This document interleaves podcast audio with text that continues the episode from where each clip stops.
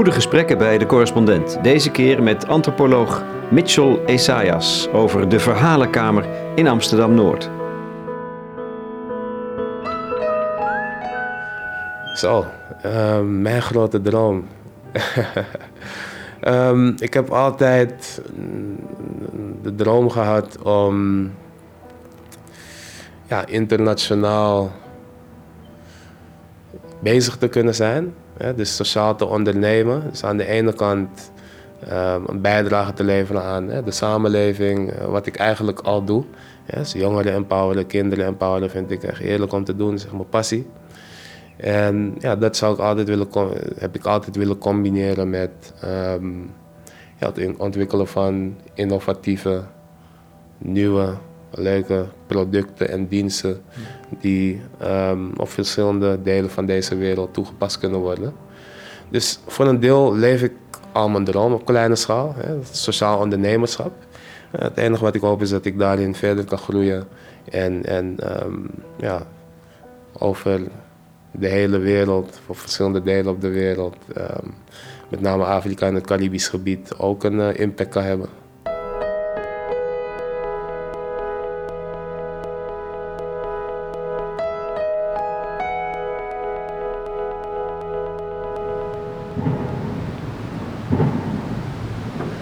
Wordt geheid. Het is niet zo ver van het uh, pontje over het ei, Amsterdam-Noord. Er staat een redelijk straffe wind. Aan de overkant van het water wordt dus uh, heftig gebouwd. En ik sta hier met Mitchell Esaias uh, voor ja, een ruimte die net geopend is. En er staat trots boven het raam met grote witte letters Verhalenkamer. Yes. Het is een mooi woord. Absoluut, absoluut. Um, dit is uh, de nieuwe locatie waar wij vanuit New Urban Collective en Seed for Growth een bibliotheek met literatuur over en vanuit de Afrikaanse diaspora um, ja, literatuur beschikbaar zullen stellen voor het publiek. En um, de bibliotheek is een ruimte binnen de verhalenkamer. Nou, wat is de verhalenkamer? Dat is een ruimte waar al een aantal jaren kinderboeken worden verkocht. Waarin er sprake is van etnische en genderdiversiteit. En het is ook een ruimte, een ontmoetingsplek voor de buurt Amsterdam-Noord. Waar natuurlijk veel verschillende mensen van verschillende etnische, culturele, klasseachtergronden wonen. En we willen deze ruimte eigenlijk gebruiken om mensen met elkaar in verbinding te brengen, verhalen uit te wisselen, zodat ze oh ja. van elkaar kunnen leren. Fijn is dat. Er zitten ook wat tafeltjes hier. Wat... Ja, mooie bloemen inderdaad. Mooie, mooie paarse bloemen. Ja, ja. Ben, je op, ben je ook opgegroeid met verhalen? Ik ben wel opgegroeid met verhalen. Ja. Ik ben zelf geboren en getogen in Amsterdam-West. Dus echt aan de andere kant van de stad. Ook echt in het hoekje. Ja, en dan komt er een beetje een Amsterdamse accent doorheen. Ja, toch wel een beetje. Toch wel een beetje. Um, in, in Nieuw-Sloten, um, daar voor Slotervaart.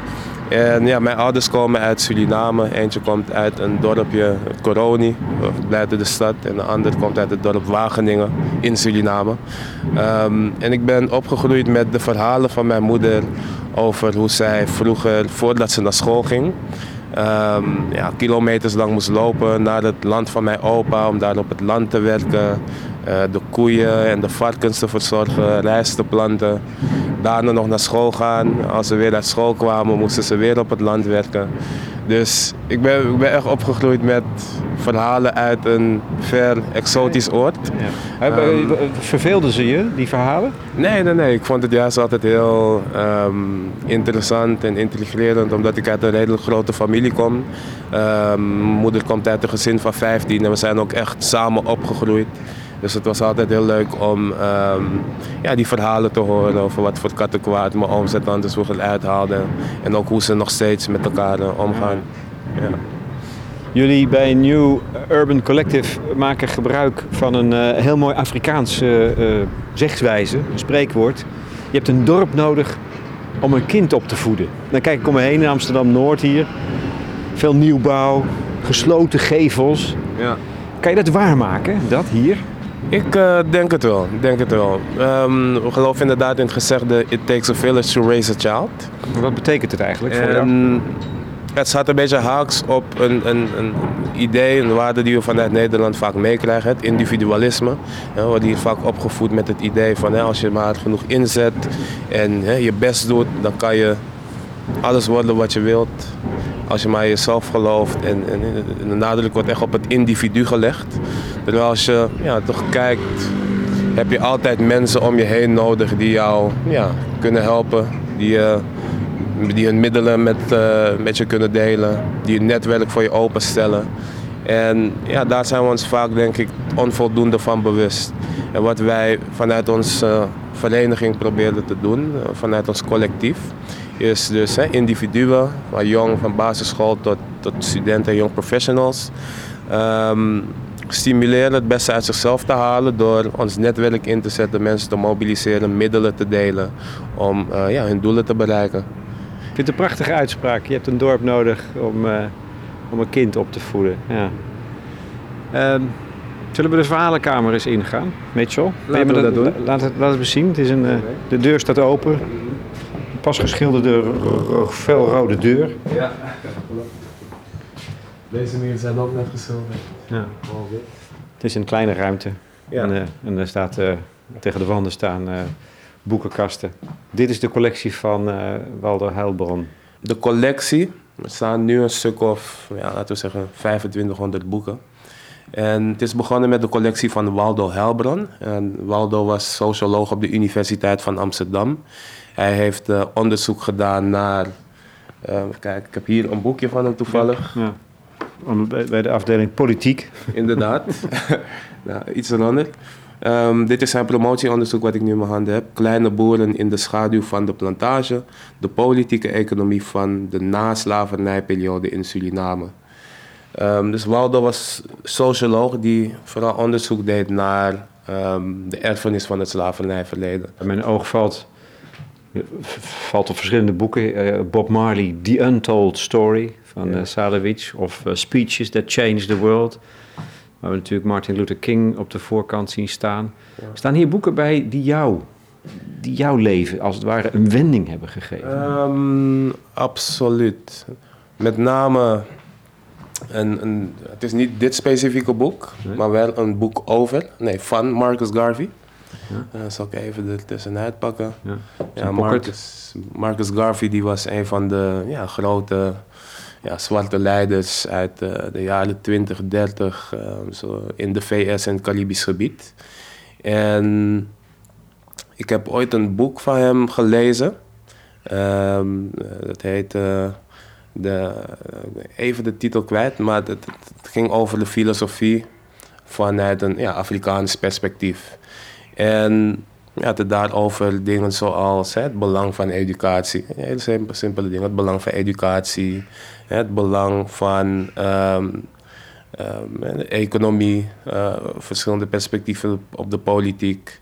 En ja, dat had me zo danig geïntelligeerd dat ik me echt veel meer ben gaan verdiepen in dat stukje geschiedenis. En het heeft echt bijgedragen aan mijn ja, zelfvertrouwen, mijn zelfbeeld, mijn identiteit als uh, ja, Surinaamse Nederlander. En me gemotiveerd om ja, ook het maximale uit mezelf te halen. Hmm. Dus ik, ik geloof echt in de kracht van ja, literatuur, van boeken. En dat dat echt kan bijdragen aan ja, de ontwikkeling van mensen. Ja, je had het net over het boek van Bob Marley, want dat, dat vind ik zo grappig. Er is een connectie tussen die twee. Ja. ja ik was afgelopen uh, zondag nog in het Vondelpark. Overval uh, voor een gratis uh, concert van de Roots Riders, hè, die allerlei liedjes van Bob Marley naspelen.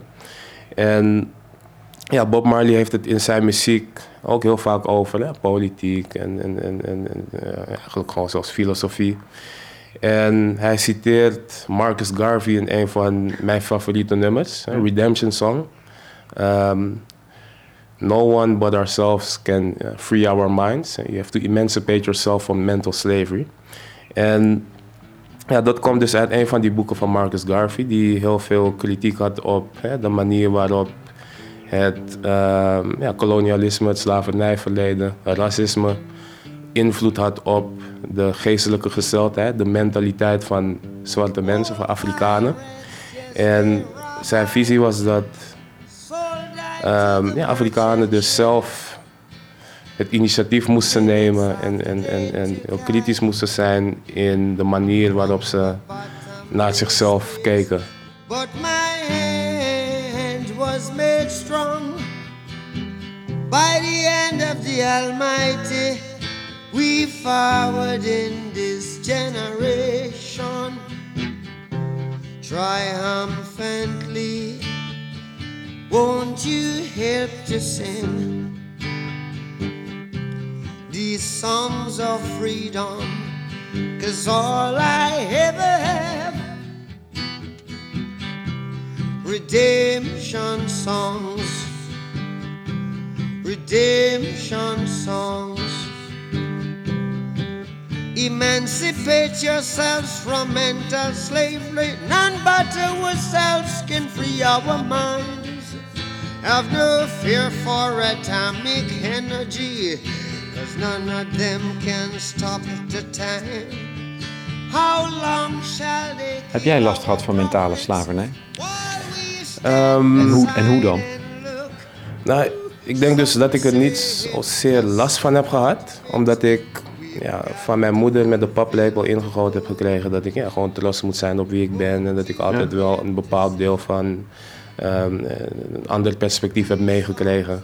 Maar ik weet wel dat er andere ja, personen zijn ehm, ja, van verschillende achtergronden die echt geloven dat ja, Europeanen superieur zijn in de zin van dat ze alle belangrijke kennis en wetenschap hebben geproduceerd en dat het enige wat uit Afrika komt, ehm, ja, dat slaafgemaakte mensen zijn en dat het daarom nog steeds het verloren continent is als het ware. En ik denk dat dat ook een bepaalde vorm van ja, mentale slavernij is. Hè? Dat je nog steeds een soort beeld hebt van jezelf dat je ehm, ja, weinig kan bijdragen qua, qua kennis, qua wetenschap, qua ideeën in, in de wereld. Dat je dan toch zelf dat gevoel bijna... Ja, Onherroepelijk ook meedraagt. Een soort minderwaardigheidscomplex, een minderwaardigheidsgevoel.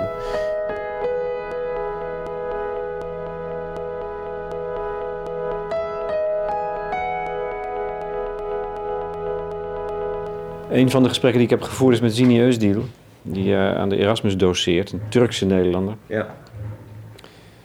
Die het had eh, over eh, het, eh, nou ja, het institu- institutionele racisme in een, een land als Nederland. Ehm, zie jij dat ook zo? Ervaar je dat ook zo? Ehm, ja, ik ben het zeker eens met Cindy. Dat er sprake is van institutioneel racisme in Nederland. Ehm, en als we het hebben over institutioneel racisme, dan ja, moeten we kijken, nou, wat, wat houdt dat in? Ja, er staat hier toevallig een boek waarin dat, ehm, eh, dat concept voor het eerst is geïntroduceerd. Dus volgens mij het boek ehm, ja, Black Power, dat staat hier ergens tussen de... Post, postkolonialisme en black studies. Ah, Moet het boeken dus... hier. Dit is hem. Ja. In dit boek werd de, de term institutioneel racisme voor het eerst gebruikt. Stokely Carmichael en. Charles Hamilton. Inderdaad, een boek van Carmichael en Hamilton.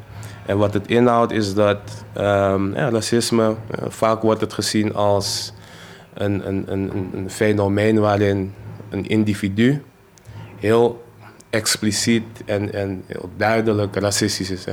Ja, dat iemand bijvoorbeeld zegt, ja, vuile neger, jullie zijn minderwaardig, jullie hebben nooit wat van waarde geproduceerd in de wereld, bij wijze van spreken. Wat deze heren aangaven is dat racisme niet alleen een individuele daad of handeling is, maar dat het ook onderdeel is van de structuur van een samenleving. En dat het in die zin niet altijd heel expliciet zichtbaar hoeft te zijn, maar dat het juist vaker impliciet ehm, onderdeel is van weet je, de instituten in een samenleving. Denk dan aan het onderwijs, de arbeidsmarkt, de wetenschap, het politieapparaat. En afgelopen week is er nog een ehm, rapport gepubliceerd, of een promotieonderzoek, ehm, waarin werd aangetoond dat de politie nog steeds op ras discrimineert. Eh, gisteren heeft eh, minister Ascher het nog gehad over een rapport door het Verwij Jonkers Instituut, waarin duidelijk werd dat ehm, ja, vele Nederlanders nog steeds ehm, ja, negatieve eh, beelden hebben over mede-Nederlanders met een andere culturele achtergrond. En je ziet het op de arbeidsmarkt, zowel hier in Amsterdam als in heel Nederland, de werkloosheid structureel hoger is onder ehm, mensen met een migrantenachtergrond. En ook in het onderwijs zie je die structurele ongelijkheid. Dus in die zin ehm, ben ik het zeker eens met de uh, Cindy dat er sprake is van institutioneel racisme. En dan is de vraag, hoe moet je dat dan attackeren? Hij kiest in zijn columns bijvoorbeeld wel voor een vrij rabiate toon. Mm Wat is jouw houding? Ik denk dat de Zwarte Piet-discussie en alle acties die daaromheen worden gevoerd... een heel goed voorbeeld is van um, ja, het belang van activisme. Weet je, het feit dat groepen mensen nu opstaan en, en geweldloze acties organiseren... zorgt ervoor dat er een ja, maatschappelijk debat op gang komt... waardoor mensen eindelijk toch wat ja, dieper gaan nadenken...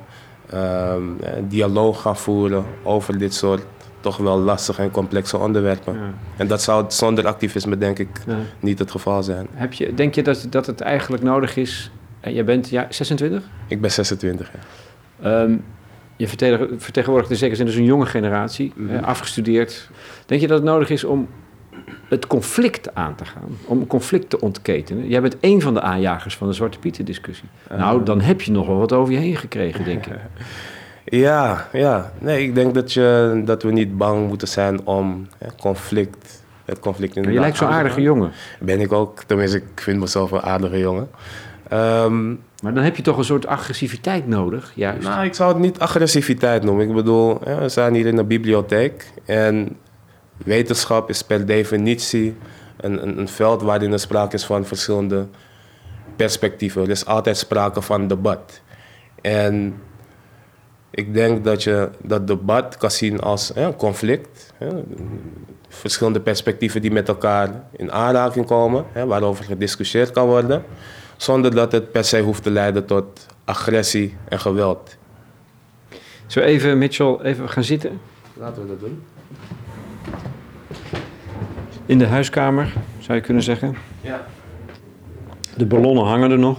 Inderdaad. Van, van de feestelijke opening afgelopen zaterdag. Ja, ja, ja. Jij bent programmamanager bij, op de uh, masteropleiding antropologie aan de Vrije Universiteit. Ja, medische antropologie. Medische antropologie. En studieadviseur bij de bachelor uh, antropologie. Okay. Hoe is het aan de universiteit? Um, nou, fijn moet ik zeggen. Het is een, Echt waar? Uh, ja, ja, zeker. Een fijne werkplek. Um, hele leuke collega's. Ja, met name de afgelopen periode is het natuurlijk erg spannend geweest op de UvA met hè, ja. de bezetting van het Maagdenhuis. Ja, dus daarom vraag ik het natuurlijk ook, want jij zit aan de VU. Ja. Daar, daar gebeurde niks? Of, nee, of... nee, nee. Ik, ik, heb gestudeerd op de VU, zeven jaar, en ik werk nu op de UvA. Dus je zat er dichtbij? Heb je meegedaan? Ik uh, zat er aardig dichtbij en ik heb uh, ja, deels, deels meegedaan. Um, ja, wat ik zelf heel mooi vind is dat het ook weer laat zien hoe activisme, ja, als je bepaalde idealen nastreeft uh, door middel van geweldloos verzet, uh, toch kan leiden tot een aardige maatschappelijke impact en verandering. Ja. Maar verandering? Want het is weer stil geworden, hè? Ze zijn allemaal weer weg. Ja, en het leven gaat weer gewoon door. Nou, ik moet zeggen, dit is stil in de media, maar op de achtergrond wordt er nu juist wel uh, aardig wat werk verzet. Ja, dat, dat, dat wil ik dan dus graag weten. Wat voor werk wordt er gezet? Het is niet mislukt. Nee, absoluut niet. Absoluut niet. Um, ja, zoals sommigen wellicht weten, is um, de voorzitter van het CVB opgestapt, Louise Gunning.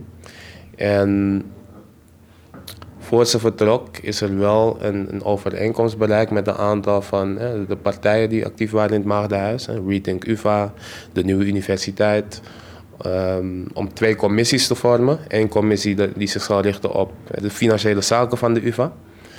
Um, en een andere commissie die zich zal richten op decentralisering en democratisering van de UvA. En zij hebben het mandaat gekregen om bindende ja, voorstellen uh, te kunnen doen richting het CVB, die het CVB dus ook zal moeten implementeren. En um, zelf ben ik er zijdelings bij betrokken om ook het stukje diversiteit ja. uh, op de agenda te krijgen binnen die commissie uh, van democratisering en decentralisering. En wat moet je dan, wat ga je dan voorstellen? Um, nou, niet alleen ik uiteraard, nee, maar samen met een aantal collega's uh, en, en, en, studenten zijn we bezig om een voorstel te formuleren. Um, waarin wij um, oproepen om ja, ten eerste onderzoek te doen over de situatie op de UvA. Ja, als je de UvA met de VU vergelijkt, is het echt een ja, wereld van verschil als je het hebt over de studentenpopulatie. Ja, veel meer diversiteit op de VU. Op de UvA. Aan de UvA zijn alle studenten wit? het grootste deel wel. En ja, we zullen de commissie vragen om op een aantal ehm, aspecten, op een aantal gebieden, ehm, ja, meer inzichten te verkrijgen. Dus bijvoorbeeld de mate waarin studenten en ook staf zich welkom en thuis voelen op de universiteit. Uh, de mate waarin er sprake is van diversiteit in het curriculum. dus of er niet alleen sprake is van ja, eurocentrisch of eenzijdige uh, denkbeelden en, en, en, wetenschappelijke theorieën in de verschillende studies. En daarnaast willen we ook kijken naar bepaalde mechanismen. Ja, als we het hebben over institutioneel racisme. Wat voor mechanismen of in- en uitsluitingsprocessen er kunnen spelen op de instelling die ervoor zorgen dat zowel studenten als um, ja, stafmedewerkers um, ja, minder succesvol kunnen zijn uh, op, die, op de universiteit. Want die kinderen denken maar al te vaak. Ik heb met meester Bart gesproken, die in uh, de Zuidoost uh, les ja. geeft. Ja, die, die, kinderen denken, dat, dat is gewoon niet voor mij. Ja. Die universiteit. Ja. Het is gewoon niet mijn wereld. Er, er, komt namelijk niemand met, een, met een donkere huidskleur, loopt daar rond. Ja. Heb, waar heb jij, waarom heb jij dat niet gedacht? Um, nou, ik moet zeggen dat, nou, ik heb dat niet expliciet gedacht, maar ik ben wel de eerste in die grote familie van me die um, op de universiteit is beland. En ja, ik heb eigenlijk altijd heel veel support gehad vanuit mijn omgeving, vanuit mijn moeder, uh, mijn familie, om ja, gewoon mijn best te doen op school. Ik had goede cijfers, ik had ook leerkrachten die in mij geloofden. Ik denk dat dat een enorm verschil maakt. En als je het hebt over ja, kinderen die dus die gedachten internaliseren, zou je dat wellicht kunnen zien als een vorm van mentale slavernij. Hè? Dat gebrek aan geloof in jezelf, dat het voor jou als ja, donker kind of kind uit de Bijlmer mogelijk is om op een universiteit te komen. Dat is, dat is natuurlijk gek. Ik heb daar een aantal hele concrete voorbeelden van hele goede vrienden van me die ik van de universiteit ken, die op de basisschool of op de middelbare school te horen kregen van ja, hoger onderwijs is niet voor jou gestemd, uh, bestemd. Ga jij maar lekker met je handen werken. Terwijl ze uiteindelijk toch op de universiteit belanden. Zo simpel is het dan toch? Ja. Dat zijn dat soort zinnetjes. Ja, het zijn dat soort zinnen. En het lijken ook vaak hele onschuldige uitspraken. En van, ah, niets voor jou, ja, ga, ga maar lekker met je handen werken. Maar goed, voor een kind van 11, 12 jaar heeft dat wel een enorme impact. Een kind gaat dat geloven en dat kind gaat zich ook daarna gedragen. Um, dat noemen ze de uh, self-fulfilling prophecy. En er is een sociaal psycholoog die daar onderzoek naar heeft gedaan, noemen ze de theory of possible selves. Ja, dat een kind dat um, een bepaald toekomstbeeld heeft, hè, dat gelooft van het is voor mij mogelijk om later op de hogeschool of op de universiteit uh, terecht te komen, ja, zal zich ook daarna gedragen. Hè. Dus die gaat zich goed gedragen op school, huiswerk maken, op tijd komen, um, het gedrag laten zien wat van zo'n kind verwacht wordt. Omgekeerd geldt hetzelfde. Een kind dat denkt van het is toch niet voor mij bestemd. Ja, waarom zou ik dan mijn best doen? Ga ik liever kattenkwaad uithalen, spijbelen. Uh, ja, hoge cijfers is toch niet nodig. Ik ga gewoon naar het mbo en ik... Uh, ja, zoek het daar wel uit.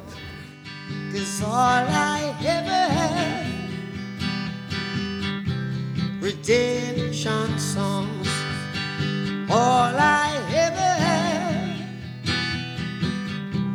Redemption songs. These songs of freedom.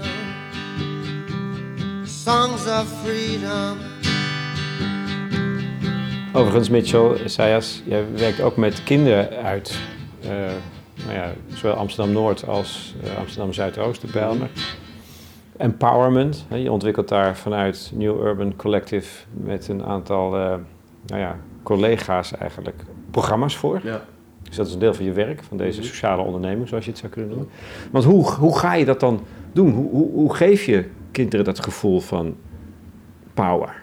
Ja binnen die situatie waarin ze eigenlijk denken van ja, dat is niks, allemaal niks voor mij. Mm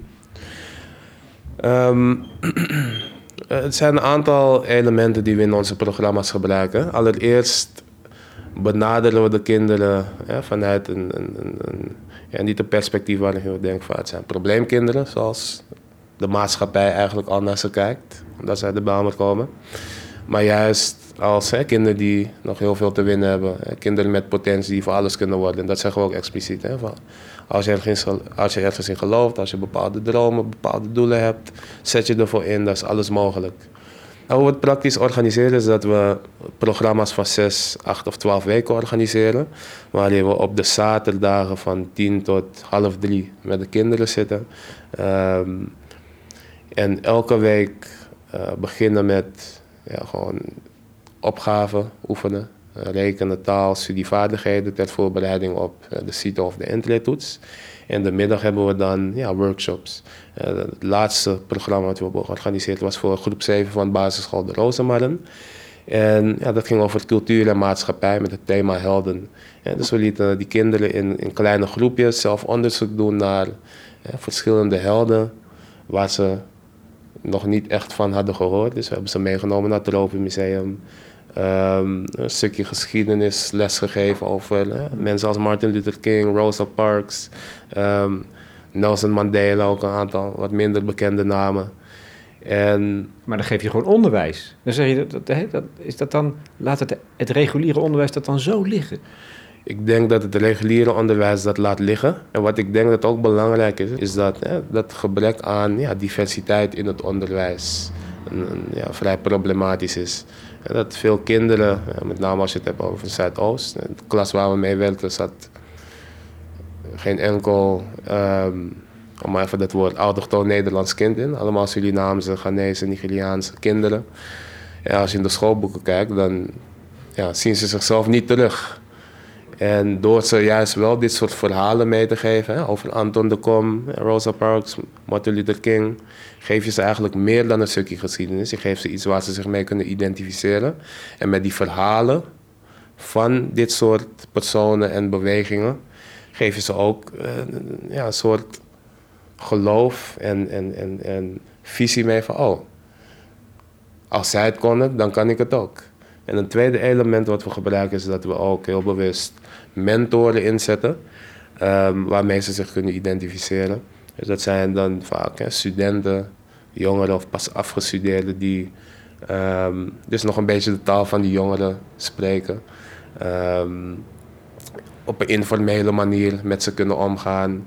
Um, het is ook een gezellige sfeer, een leuke band met ze kunnen opbouwen. Maar toch wel hè, die ja, posities hebben bereikt. Het HBO, de universiteit. Waardoor ze zien van, oh, als mijn mentor dat kan, ja, dan, moet het voor mij ook gewoon mogelijk zijn. En, rolmodellen ja, introduceren. Andere rolmodellen, ja. ja, Dat ben jij ook, neem ik aan. Um, ja, voor bepaalde kinderen denk ik wel, ja. En, en maak je mooie dingen mee dan? Ik maak uh, ja, altijd hele mooie dingen mee. We nemen ze aan het einde van zo'n traject altijd mee naar de universiteit. Waarbij ze dan een eindpresentatie moeten geven over hetgeen wat ze hebben gedaan en geleerd. En de laatste keer hadden we dus um, het thema helden. Waarbij we alle leerlingen hebben gevraagd om een presentatie te geven over wie nou hun weld was en waarom. En ja, dus het gewoon super ontroerend om een kind van 10 of 11 jaar een, een verhaal te horen houden over um, de geschiedenis van Rosa Parks, over de zwarte burgerrechtenbeweging in de Verenigde Staten. En um, waarom zulke personen hun helden zijn. Maar ook eh, de personen om hen heen, hun moeders en ouders helden zijn, omdat ze gewoon keihard voor ze werken en ze met liefde verzorgen. Ja, dan moet ik zelf soms wel een traantje wegpinken. Ja. En dan denk jij, ha, die zie ik later terug. Over tien jaar. Dat hoop ik wel. Dat hoop ik wel.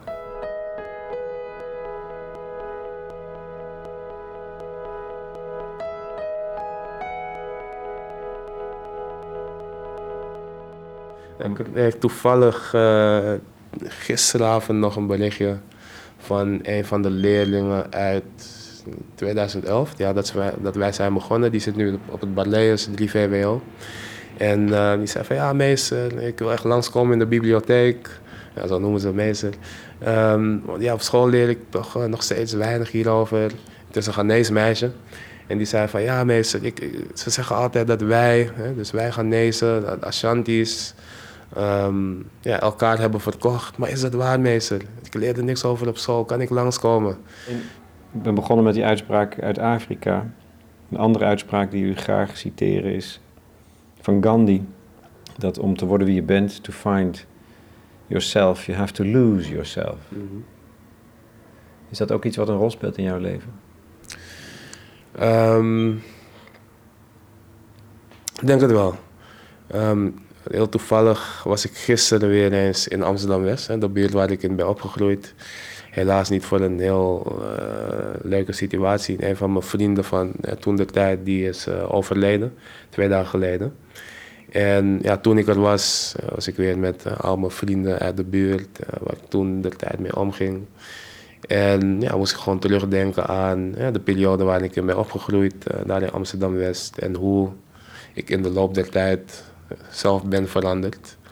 En ja, aan de ene kant ja, ben ik bepaalde dingen kwijtgeraakt, verloren. Ik zie die jongens niet meer zo vaak.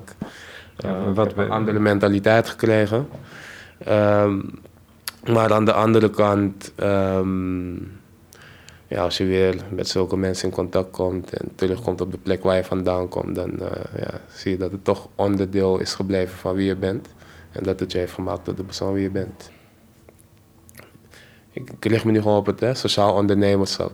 Dus op, op, op. Je bent veranderd, zeg je? Ja, ik ben veranderd uh, als persoon. Als, als, als, jongen was ik uh, echt niet bezig met het veranderen van de wereld en allerlei dingen om me heen.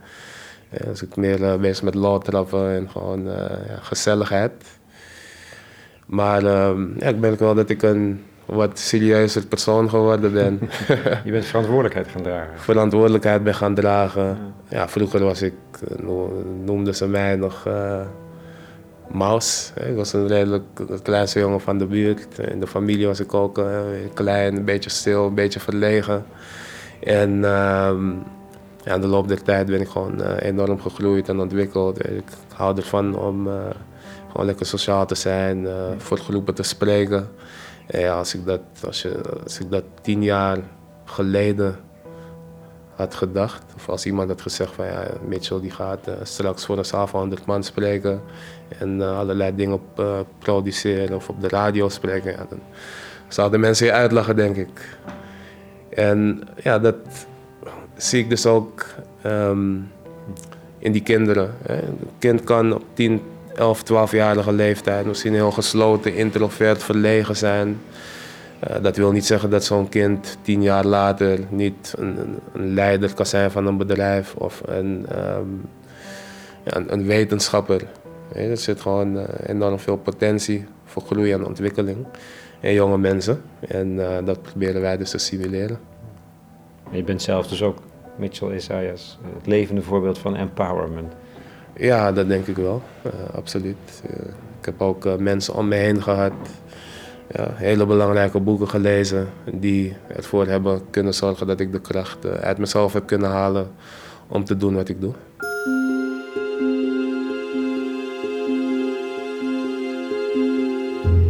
Mitchell Isaias in gesprek met Lex Bolmeijer voor De Correspondent in de Verhalenkamer.